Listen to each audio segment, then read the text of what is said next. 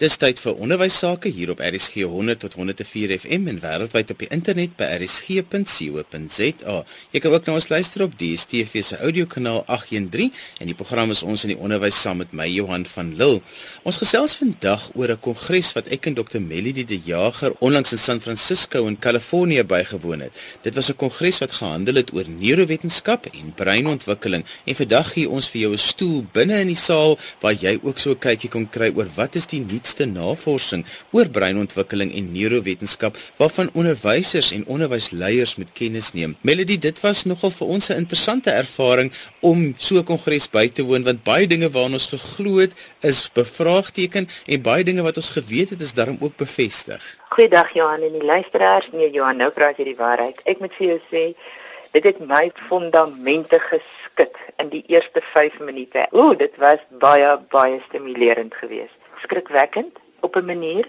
Want alles wat jy aan van selfsprekend aanvaar het, waar ek kan iemand anders praat nie, kan net vir myself, het hulle bevraagteken en daarmee saam het ek begin bevraagteken. So heerlike heerlike leerproses. Kom ons begin dadelik wegspring met leerstyle. Daar's 'n groot debat oor leerstyle of kinders auditief, visueel of kinesteties moet leer. Wêreldwyd is die debat aan die gang en baie mense sê dit werk glad nie. Daar's geen navorsing om dit te ondersteun nie. Ja, en um, dit, dit was een van die stellings wat gemaak was dat daar niks bestaan, daar's geen wetenskaplike begronding vir leerstyle nie. Maar as jy jouself afvra en ek ek dink daar is waarheid daarin in die sin dat party mense dit so verabsoluteer dat jy in 'n blokkie bly. Jy bly in 'n groen blokkie of 'n oranje blokkie as dit 'n kwadrant model is of jy is jy is visueel of jy is auditief of jy leer deur te doen kinesteties. En ek dink dit is foutief. Ek dink ehm um, wat ek daar weggeneem het is 'n mens moet wegbeweeg van van 'n etiketeringsstelsel selfs in terme van leerstyl. Leer ek saam met mense, leer ek op my eie maar dat daar 'n ding soos 'n leerstyl is, dit is waar. Elkeen van ons het soos wat 'n rekenaarprogram 'n default het. 'n Mens kan 'n goed klomp goed bysit, maar daar's die, die fabrieksbedrading, daar's basisbedrading wat ouer in die brein is, waarna toe 'n mens geneig is om terug te keer. En dit word baie keer as geneties beskou, maar neurowetenskap wys vir ons nie eers geneties is meer vas nie. As jy van brein en senuweestelsel praat, is niks vas nie, dit kan verander. En daar omdat jou jou sinte jou brein en jou spiere 'n leerstyl ondersteun en omdat die neurostelsel ontwikkel is om te verander, beteken dit dat 'n leerstyl nie vas is nie dat dominansie nie vas is nie, maar dit beteken ook dat daar 'n geneigtheid is om terug te keer te default na die sterkste bedrading en dis geneties bepaal deur jou ouers en in stand gehou deur dieselfde ouers met daai genetiese geneigtheid deur ehm um, kondisionering op opvoeding oor tyd. So ja, daar is 'n ding soos 'n leerstyl, daar is waarde en dominansie, maar binne die konteks dat dit kan verander. Melody want baie van die navorsers het gesê dit is amper meer 'n sensitiwiteit ten opsigte van sekere maniere van leer en dat mense meer sensitief is sê nou maar om auditief te leer of maar dat dit nie soos jy net gesê het nie in 'n boksie geplaas maar dit sluit nie die ander in maniere waar inligting na jou brein toe kan kom uit nie. Ja, dit is baie interessant Jan want hulle het gesê byvoorbeeld Howard Gardner, ek wou pragtig nie, hy was nie gehoor nie want as dit uit was soos my hart en skerwe. Het gesê Howard Gardner se ehm um, veelvuldige intelligensiemodel is absolute nonsens, nee. Hulle het later aan daarom gesê sy as jy die intelligensie vervang met sensitiwiteit dan maak dit baie meer sin. So sensitiwiteit is 'n baie netjiese woord, maar net soos wat hulle nie nou meer praat van 'n leerprobleem nie. They don't call it a learning problem, they call it a learning frailty. So nuwe woord selfe ou begrip, maar maar so sensitiwiteit is nou ek wil amper vir jou sê dit lyk vir my die nuwe woord vir intelligensie. 'n Mens het 'n groter sensitiwiteit vir taal of jy het 'n groter sensitiwiteit vir um, vir vir kreatiwiteit. So ja, daar's nuwe woorde vir ons om te leer. Melody die ander ding wat vir ons altyd uitgestaan het, hulle onderskei tussen 'n mens is in 'n leermodus of jy's in 'n uitvoerende modus en dat ons agtergekom het dat ons onderwysers te veel in 'n uitvoerende modus is en te min eintlik in 'n leermodus is. Vertel gou vir ons 'n bietjie wat was die debat rondom dit want dit was vir ons baie interessant. Ja, en daaraan het ek en jy baie ure spandeer om 'n bietjie te gesels oor wat is die implikasie van die twee goed. Die een is hulle het navorsing gehou aangebied wat gewys het dat 'n onderwyser kleuter se leerkurwe is in die eerste 3 jaar wat hulle begin skool hou, leer hulle die meeste, dan plaas dit af. Wat beteken daarna is 'n mens geneig om dit wat jy reeds geleer het aan te hou gebruik. Nou dis skrikwekkend. Met die 30 jaar skool hou dan hou jy nog steeds skool met dit wat jy in die eerste 3 jaar geleer het. Daar's omstandighede rondom dit en as daar tyd is, miskien kan ons praat oor onder watter omstandighede bly onderwysers lerend en onder watter omstandighede is is onderwysers geneig om te stagneer. Maar die belangrike ding tussen hierdie twee fasette wat jy nou genoem het, leer teenoor presteer.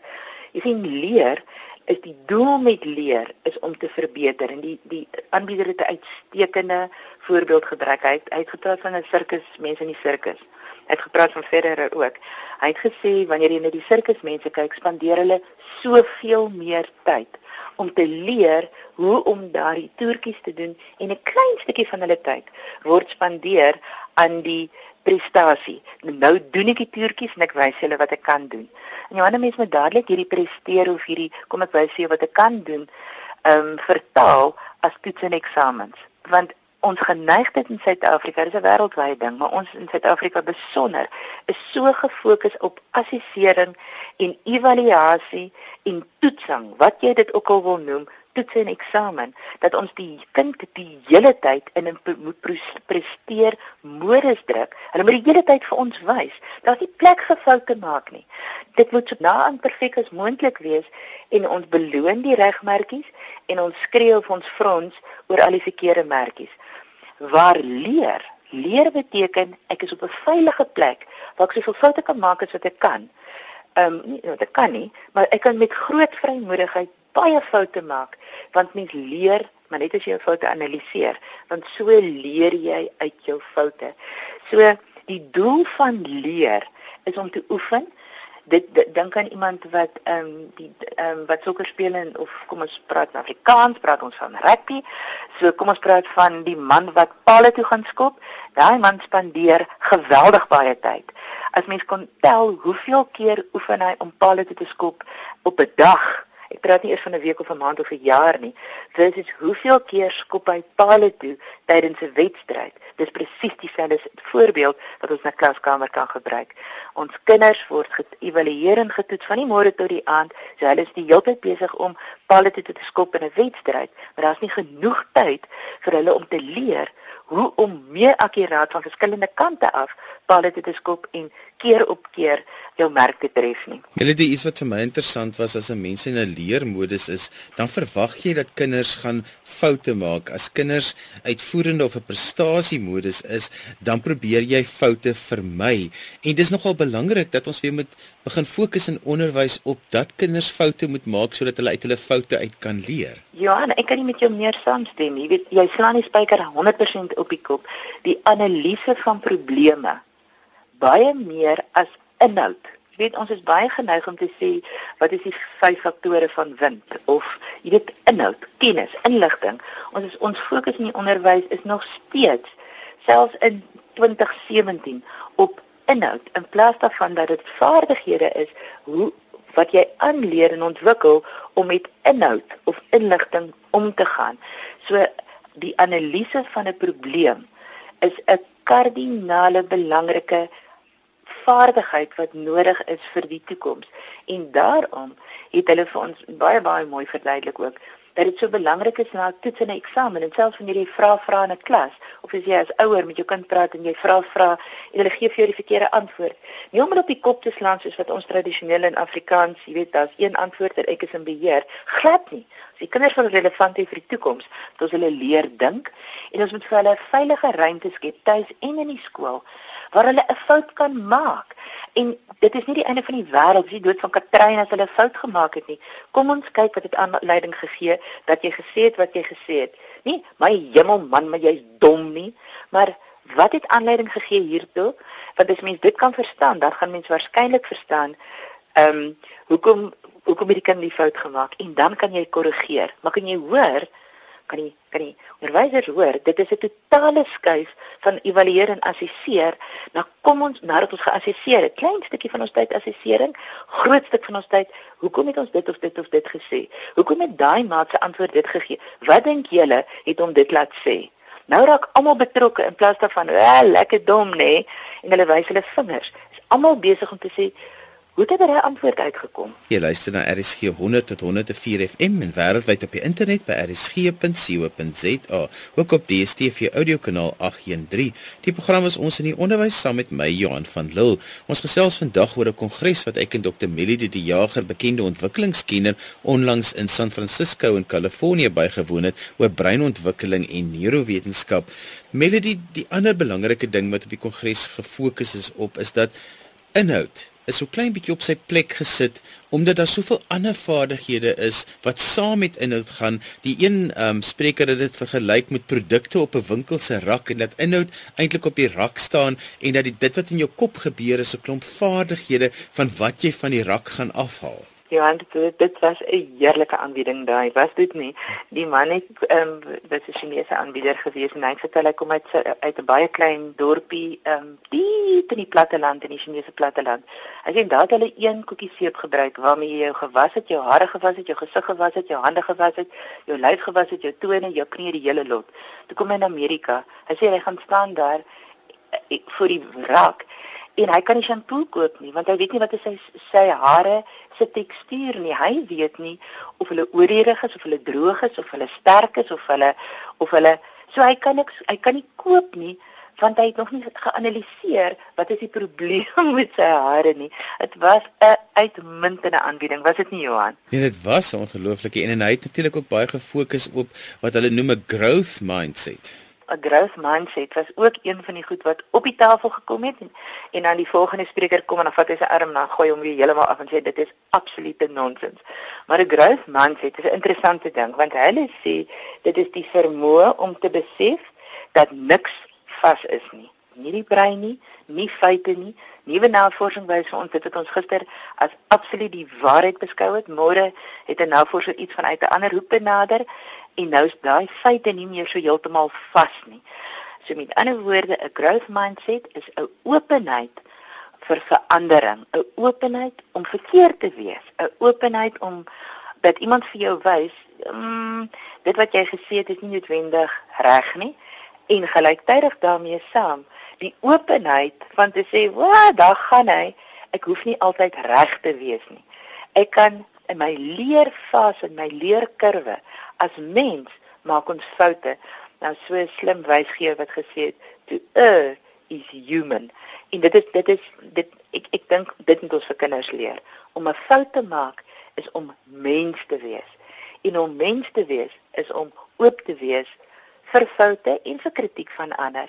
Behalwe as die persoon by kritiek stop en nie ook geleer het dat ehm um, 'n mens met probleem oplos nie. As jy wil kritiseer, moet jy ook met 'n aanbeveling kan kom. Melody dan het hulle baie sterk gepraat oor 21ste eeu se vaardighede en hulle het dit opgesom, baie gepraat van 4 C's, baie gepraat van 5 C's, baie gepraat van letterlik 6 en 11 en 12 C's. Dit was eintlik die konferensie van die C's. was en dit was by die C met 'n S. So ja, die 21ste eeu se vaardighede as ons na die C's gaan kyk, is dit collaboration, it's creativity, it's critical thinking and it's creative problem solving. As ons nou lekker Afrikaans praat, dan sê ons dit gaan oor samewerking en samewerking impliseer dat ons vir kinders leer om impuls te beheer. Jy kan nie saamwerk as jy altyd wil reg wees of die eerste wees of wen of die beste wil wees nie. So samewerking is my baie interessant. Dis die nommer 1 vaardigheid van die toekoms. En jy weet as jy na jou eie leerstyl kyk of jou kind se leerstyl of kinders in jou klas, daai kind wat akademies baie sterk is, is baie keer 'n individu wat dit haat om groepwerk te doen. Maar dit loop saam Johan dat die ou wat wat hou van doen wat ek wil doen wanneer ek dit wil doen leer partykeer om 'n wetenskaplike te word wat navorsing wil doen ter wille van navorsing. In 'n woorde samewerking sê ek los myself 'n bietjie my eie ek en ek ek vat hande met ander mense en ons leer saam. Hoekom leer ons saam? Want ons wil saam 'n ander toekoms hê en daarmee saam moet kan is navorsing net sinvol en is dit 'n vaardigheid vir die toekoms navorsing wat sinvol is omdat dit 'n probleem in die Here aanspreek. Kreatiwiteit praat vir homself. Dis nog 'n manier om dieselfde ding te doen. En hy kreatiwiteit en probleemoplossing hardloop hand aan hand. Maar jy kan nie kreatief wees as jy nie eers krities geanaliseer het nie. Sien baie mense het nie kritiese analitiese vaardigheid nie, want hulle het baie goeie instink. Instink is tipiese regterbrein of 'n emosionele brein of waar jy hom ook al wil gaan sit in die brein. En dit is 'n lekker ding Johan. Hoe meer 'n mens lees, van hierdie deel van die brein beheer dit en so werk dit in die brein kom daar elke keer nuwe navorsing wat sê toe toe nie. Dit is 'n klein bietjie anderster. Hulle praat van the really state of the mind. So asof daar eiendom jy weet daar's daar's plekkies in die brein wat sekere vaardighede ondersteun. Maar die neurowetenskap wys vir ons niks is vas nie. Nie eers in die brein nie. Party mense kan met hulle tonge sien wat terwyl ander mense met hulle oë sien. Dis 'n gesprek vir 'n ander dag So kreatiewe probleemoplossing. So dis twee vaardighede wat ons aan mekaar koppel. Kreatiwiteit, 'n anderse kyk na dieselfde inligting en probleemoplossing. So nou kyk ek anders, maar wat gaan ek daaraan doen? Probleemoplossing is 'n aksie, 'n stap, maar volg altyd as 'n mens eers kritiese um, analise proses van kritiese denke toegepas het. En ja, hierdie is interessant, want jy kry baie keer ek dink aan Vincent van Gogh uit sonderlike kreatiewe persoon, maar per soms ontbreek die kritiese vaardighede om relevant in die wêreld te leef en dan gaan mens dood van armoede. Verstaan, so kritiese analise help ons om te kyk wat is die probleem voordat ons kan sien wat gaan ek daaraan doen. So dit is 'n baie lekker lekker kombinasie as ons na daai vier basiese vaardighede kyk. En die Hannover um, navorsing het gewys dat hulle alles wat in die wêreld nagevors is oor die 21ste um, eeu se vaardighede, het hulle saamgesit en hulle het gesê jy moet buigbaar en aanpasbaar wees. Jy moet 'n baie sterk staats- of politieke bewussyn hê. 'n Mens moet weet van politiek en jy moet weet van wat aangaan en jy moet jou kritiese vaar denkvaardighede daarvoor inspann ook. 'n Kulturele sensitiwiteit in my manier is nie die enigste manier nie. Miskien is daar meer as een pad in 'n toekoms of na enige ander plek toe. Geletterdheid, verbaal en nie verbaal, natuurlik ook tegnologiese geletterdheid. Leierskap is baie belangrik, maar leierskap snaaks genoeg in terme van etiek. Nie leierskap ter wille van 'n despotiese leierskap nie, maar leierskap in terme van kom ons werk saam, maar ek het miskien so 'n paar ander vaardighede nie ek as persoon net praat hipoteties maar ek het 'n paar ander voor um, vaardighede wat sê kom ek loop voor hierdie groep mense. Maar ons is 'n groep mense wat bevraagteken. So leierskap etiese leierskap tegnologiese geletterdheid inisiatief So as mens dit nou regtig wil verdeel in die ou model, jy weet dis nou heeltemal uit. Mens praat nie meer van linkerbrein en regterbrein nie alhoewel mens nog steeds 'n linker en 'n regterbrein het. Dit is amper polities onkorrek om nou van linker en regterbrein te praat. Ons gaan maar aanhou daarmee in Suid-Afrika want dit gee vir ons 'n lekker werkende model, maar solank dit ons nie mense reduseer en etiketeer en sê maar jy's 'n linkerbrein, jy's 'n regterbrein, dan sit jy in jou hok en jy kan nie verander nie. So as ons verby dit kom, jy sien die die die vaardighede van die toekoms is baie wyer as die vaardighede in die verlede wat baie sterk taal, wiskunde, wetenskap feitelik gedrewe is. Die fokus van onderwys en opvoeding, want onderwys is nou die produk van ouers se opvoeding in 'n klaskamer, so opvoeding en onderwys, die fokus skuif vaardigheid toe weg van inhoud af. Melody iets wat vir my ook uitgestaan het en daarmee moet ons ook alweer volstaan is is dat die klaskamer die ideale plek is om kinders se selfvertroue te ontwikkel en dat dit die plek is waar kinders dit moet waag om te kan misluk en dat hulle ook berekende risiko's daar kan neem en dat onderwysers 'n groot rol daar kan speel wanneer 'n kind dan misluk of wanneer 'n kind dan 'n berekende risiko geneem het en dit het nie gewerk nie. Ja, en dit is wat so fantasties is om saam met jou by die konferensie te wees want ons leerstyle is verskillend. Jy daai jy het foto's vir ons geneem van dit wat op die skerms was wat ek ongelooflik waardeer het. Ek het verbeter geskryf en die kombinasie is ongelooflik want een van die foto's wat jy vir my aangestuur het op die stadium en natuurlik het ons die foto's geneem met toestemming.